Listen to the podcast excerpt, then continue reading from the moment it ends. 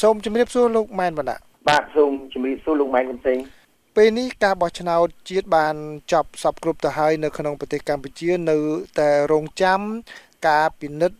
ផ្ទៀងផ្ទាត់លទ្ធផលនឹងសម្រេចថាគណៈបកណាបានសម្លេងប្រមាណសម្លេងប្រមាណហើយយើងដឹងហើយថាគណៈបកប្រជាជនទំនងជានឹងឈ្នះអាសនៈទាំង125 ហើយហើយរីឯនៅសហគមន៍ខ្មែរនៅក្រៅប្រទេសនេះក្នុងពេលបោះឆ្នោតនិងក្រោយពេលបោះឆ្នោតមួយថ្ងៃហ្នឹងគឺមាន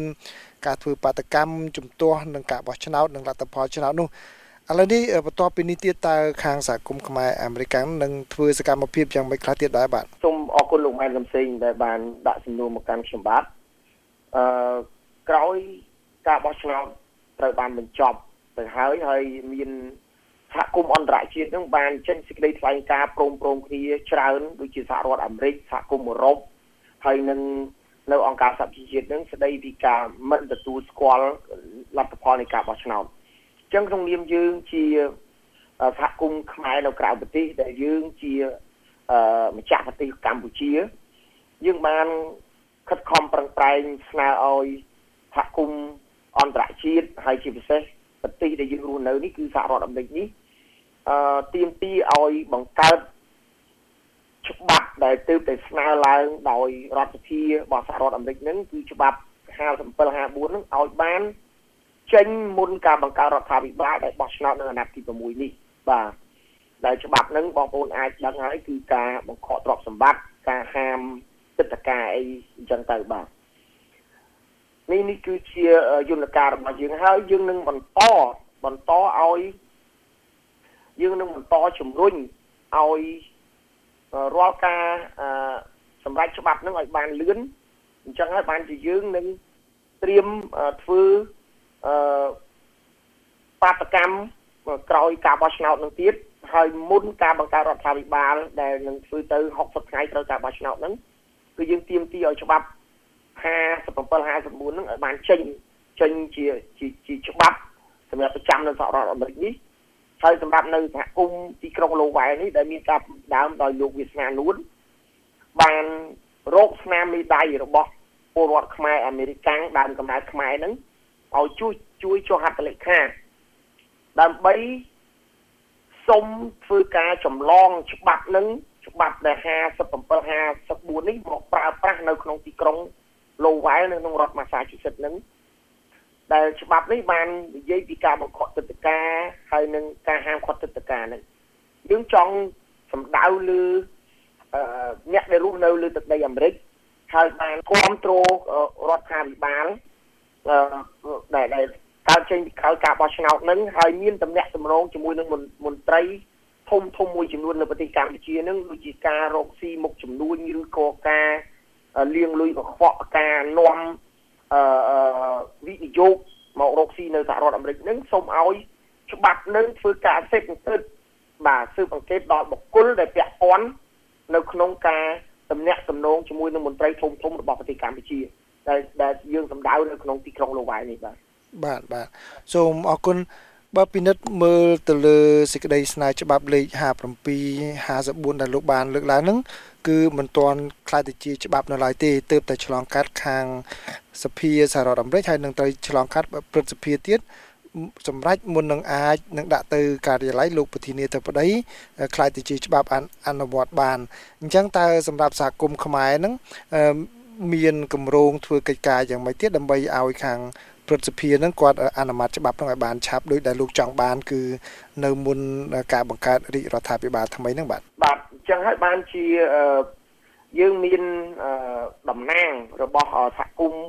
នៅក្នុងទីក្រុងលូវែលនេះទាំងផ្នែកទាំងអ្នកធ្វើការនៅក្នុងជួររដ្ឋាភិបាលអាមេរិកកាំងដើមកំណើតខ្មែរទាំងតំណាងរបស់គណៈបកសង្គ្រោះជាតិដែលនៅក្នុងប្រទេសអាមេរិកហើយនឹងនៅប្រទេសកាណាដាហ្នឹងគឺ ប្រម៉ែប្រមូលស្នាមមេដៃនឹងយើងសូមធ្វើការចូលអឺជួបនឹងពិភាក្សាជាមួយនឹងព្រឹទ្ធសភារបស់សហរដ្ឋអាមេរិកនេះនៅតាមបណ្ដារដ្ឋនានាដូចជានៅរដ្ឋម៉ាសាជូសេតនេះយើងមានតំណាងរបស់ព្រឹទ្ធសភារបស់យើង Senator ហ្នឹងហើយនៅរដ្ឋផ្សេងផ្សេងដទៃដទៃទៀតមាន Texas មាន California មានអឺ Florida ហ្នឹងដើម្បីឲ្យគាត់ជួយពន្លឿនច្បាប់នេះហើយ ទន្ទឹមនឹងជួយយើងនឹងទៅជួបគេហើយយើងក៏ និងសម្ដែងមតិមានការចូលរួមធ្វើបាតកម្មការដាក់ញត្តិជាស្នាមមេដៃដើម្បីឲ្យអឺព្រឹទ្ធសភានឹងរបស់សហរដ្ឋអាមេរិកនឹងគឺអនុម័តឲ្យបានលឿនដើម្បីឲ្យច្បាប់នឹងអឺคล้ายទៅជាច្បាប់ហើយបាននឹងត្រូវបញ្ជូនទៅរដ្ឋាភិបាលរបស់សហរដ្ឋអាមេរិកដែលបានចុះហត្ថលេខាដោយលោកប្រធានាធិបតីដូណាល់ត្រាំបាទអញ្ចឹងហើយបានយើងកំពុងតែធ្វើកិច្ចការហ្នឹង តាមរយៈការ lobby ទៅជួបជាផ្ទាល់ senator នៅតាមបណ្ដារដ្ឋផ្ទាល់ផងហើយយើងក៏នឹងទៅជួបប្រធានគណៈកម្មការនៅក្នុងព្រឹទ្ធសភាដែលមានតែយើងមានតំណែងតំណងបាទដូចជាលោកអឺ Dana Rodabaker លោកអឺ John McCain ហើយមានមនុស្សបុគ្គលដែលដែលមានអំណាចជាច្រើននៅក្នុងព្រឹទ្ធសភាជាច្រើនទៀតបាទ សេចក្តីស្នើច្បាប់លេខ57 54នេះមិនមែនជាសេចក្តីស្នើច្បាប់ដំបូងទេ ការពិតទៅមានសេចក្តីស្នើច្បាប់មួយពីមុនដែរគឺស្នើឡើងដោយព្រឹទ្ធសភាសហរដ្ឋអាមេរិកហៅថា S 2412ដែលហៅជាភាសាសាមញ្ញថា Carry Act ហ្នឹងគឺដើម្បីនាំយកសេរីភាពនិងយុត្តិធម៌និងសិទ្ធិមនុស្សលទ្ធិប្រជាធិបតេយ្យហ្នឹងទៅប្រទេសកម្ពុជាវិញក៏ប៉ុន្តែមកដល់ ពេលនេះគឺសេចក្តីស្នើច្បាប់នោះនៅគាំងនៅឯគណៈកម្មាធិការកិច្ចការបរទេសរបស់សភាព្រឹទ្ធសភាសហរដ្ឋអាមេរិកនៅឡើយទេសេចក្តីស្នើច្បាប់ថ្មីដែលលោកបានលើកឡើងគឺ50 754ហ្នឹងវាអាចនឹងទៅរួចទៀតឬក៏វាអាចគ្រាន់តែជាការគេហៅថាទុំស្គរមួយដើម្បីបញ្ចេញសម្លេង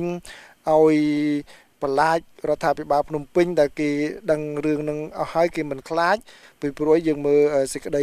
ស្នើច្បាប់ដូចខ្ញុំបានលើកឡើងគឺលេខ2412ហ្នឹងគឺនៅគាំងនៅឡើយនោះបាទតើវាមានចំណុចខុសគ្នាយ៉ាងម៉េចទៀតបាទបាទខ្ញុំចង់បញ្ជាក់រឿងចំណុចខុសគ្នារវាងច្បាប់ HR 5754ដែលច្បាប់នេះគឺចែងទៅពីលក្ខន្តិកៈទេបាទចែងពីលក្ខន្តិកៈទេគឺអឺលក្ខន្តិកៈទី1គឺការបង្កក ទ្រព្យសម្បត្តិហើយលក្ខខណ្ឌទី2គឺការហាមទឹកតការមិនអោយមន្ត្រីមានអំណាចធំធំរបស់ប្រទេសកម្ពុជានឹងចូលទឹកដីសហរដ្ឋអាមេរិកចំណែកដោយច្បាប់ S2412 នេះដែលស្នើឡើងដោយព្រឹទ្ធសភាចំនួន5រូបនេះដែលច្បាប់នេះស្នើឡើងពីថ្ងៃទី8ខែ2ឆ្នាំ2018នេះមុនច្បាប់ HR 5754ទៅទៀតហើយច្បាប់នេះមានទម្ងន់ហើយមានមានវិសាលភាពធំធេងសម្បើមណាស់ ចឹងហើយបានជាច្បាប់នេះរៀងយូរបន្តិចហើយនឹងធ្វើការពិនិត្យពិចារណាយ៉ាងល្អិតល្អន់ដោយច្បាប់នេះគឺបើគេនឹងបន្ថែមលក្ខន្តិកៈ3ចំណុចធំធំដែលបងប្អូនខ្លះអាចយល់ហើយបងប្អូនខ្លះមិនទាន់យល់គឺខ្ញុំនឹងជម្រាបជូនបន្ថែមធំធំ3ចំណុចហ្នឹងគឺចំណុចមានការបង្កកទ្រព្យសម្បត្តិក៏មានការហាមទឹកតការក៏មានហើយចំណុចទី3ហ្នឹង ជំទាស់រាល់ប្រាក់កម្ចីទាំងឡាយដែលប្រទេសកម្ពុជាចង់ខ្ចីទៅធនាគារពិភពលោក ADB អាស៊ីឬអ្វីក៏ដោយគឺជំទាស់រាល់ប្រាក់កម្ចីទាំងអស់ហ្នឹងហើយចំណុចទី4លក្ខន្តិកៈទី4នោះហាមឃាត់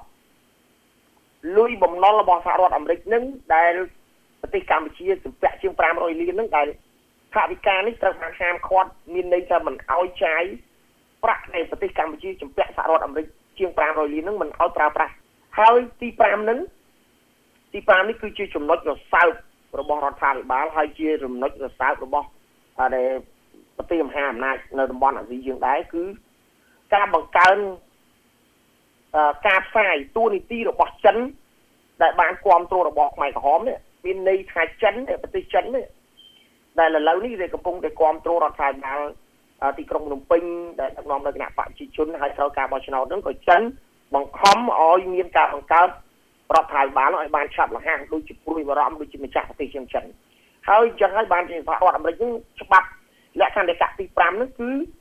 បង្កើនការផ្សាយទួនាទីរបស់ចិនគ្រប់គ្រងរបបខ្មែរក្រហមដែលកើតឡើងពីឆ្នាំ1975ដល់79ដែលមានវិលវិឃាតរយៈពេល3ឆ្នាំ8ខែ20ថ្ងៃនេះមានការសម្លាប់និងគៀលប្រជាជន កម្ពុជានឹងអស់ជាង3លាននាក់បាទនេះនេះគឺជាចំណុចចឹងហើយបានជាច្បាប់ S2412 នេះគឺមានការយឺតយ៉ាវដោយមានចំណុចធំធំទាំង3ដែលខ្ញុំអានមិញដែលខ្ញុំជម្រាបជូនមិញហ្នឹងគឺជាជាចំណុចដៅហើយជាចំណុចមួយដែលរដ្ឋាភិបាលប្រទេសកម្ពុជានឹងត្រូវធ្វើការពិចារណាដោយមានលក្ខខណ្ឌខ្ពស់បំផុតបើសិនជាមិនព្រមមិនធូរបន្ថយហើយមិនព្រម សម្រួលអិរិយាបថឲ្យមានការរស់រានមានជីវិតជីវិតនយោបាយរបស់គណៈបកសង្គ្រោះជាតិឬក៏អង្គការសង្គមស៊ីវិលឬក៏ឲ្យបើកទូលាយនៅក្នុងការផ្សព្វផ្សាយអឺសារព័ត៌មានឯករាជ្យដទៃទៀតទេខ្ញុំគិតថារឿងនេះមិនមែនជារឿងតូចទេហើយខ្ញុំសូមបញ្ជាក់អំពីសំណួររបស់លោកម៉ែនកំសែងដែលបានបញ្ជាក់ជូនខ្ញុំបែបនេះសំណួរដាក់ខាងគ្រាន់ជាការទូងស្គររបស់ រដ្ឋាភិបាលរបស់សហរដ្ឋអាមេរិកទេដើម្បីបង្អើលឲ្យរដ្ឋាភិបាលខ្ញុំសូមបញ្ជាក់ថានៅសហរដ្ឋអាមេរិកនេះការចែងច្បាប់រាល់ការចែងច្បាប់ទាំងឡាយណាគឺមានការសិក្សាស្រាវជ្រាវពីអ្នកជំនាញនឹងផ្នែកពាក់ព័ន្ធនៅក្នុងច្បាប់នីមួយនីមួយមិនមែនបង្កើតច្បាប់រយៈពេលមួយសប្តាហ៍មួយអាទិត្យដូចនៅប្រទេសកម្ពុជាដូចជាច្បាប់ស្ដីពីគណៈបកនយោបាយស្បី ច្បាប់និយាយពីឯកពន្ធភាពច្បាប់អញ្ចឹងបាននៅនៅស្រុកសហរដ្ឋអាមេរិកនេះដែលមានព្រឹទ្ធសភា100នាក់ហើយមានអឺរដ្ឋសភា4 500នាក់ហ្នឹងមិនមែនធ្វើលេងលេងទេបើសិនជាសហរដ្ឋអាមេរិកចេះតែនឹកឃើញបង្កើតច្បាប់ហ្នឹងគឺច្បាប់របស់គេអត់មានតម្លៃអត់មានឥទ្ធិពលទេដូច្នេះខ្ញុំសូមស្នើឲ្យរដ្ឋាភិបាល ដឹកនាំនៅគណៈបព្វជិជននឹងធ្វើការពិចារណាឲ្យបានម៉ត់ចត់មុននឹងធ្វើសេចក្តីសម្រេចចិត្តជៀសវាងច្បាប់នេះចេញទៅជាផ្លូវការគឺធ្វើឲ្យប្រទេសកម្ពុជានឹងបាត់បង់ខាតធំណាស់ដូចជាចំណុចទី3ជំជំទាស់រាល់ប្រាក់កម្ចីមានន័យថាសហរដ្ឋអាមេរិកនឹងជំទាស់រាល់ប្រាក់កម្ចីដែលធនាគារពិភពលោកស្អីក៏ដោយដែលធ្វើជាលក្ខណៈអន្តរជាតិនេះគឺសហរដ្ឋអាមេរិកនេះជំទាស់ ហើយសហរដ្ឋអាមេរិកនេះជាប្រទេសមហាអំណាចមួយដូច្នេះវាមានឥទ្ធិពលបាទសូមអរគុណលោកម៉ែនកំសែងបាទបាទសូមអរគុណលោកម៉ែនវណ្ណៈដែលជា ប្រធានកិច្ចការសាធារណៈនៃសាខាគណៈបកសង្គ្រោះជាតិប្រចាំនៅរដ្ឋ Massachusetts បាទដែលបានឆ្លៀតឱកាសនេះផ្ដល់បទសម្ភាសន៍ដល់ VOA សូមជម្រាបលាលោកបាទបាទសូមអរគុណសូមជម្រាបលាលោកម៉ែកំសែង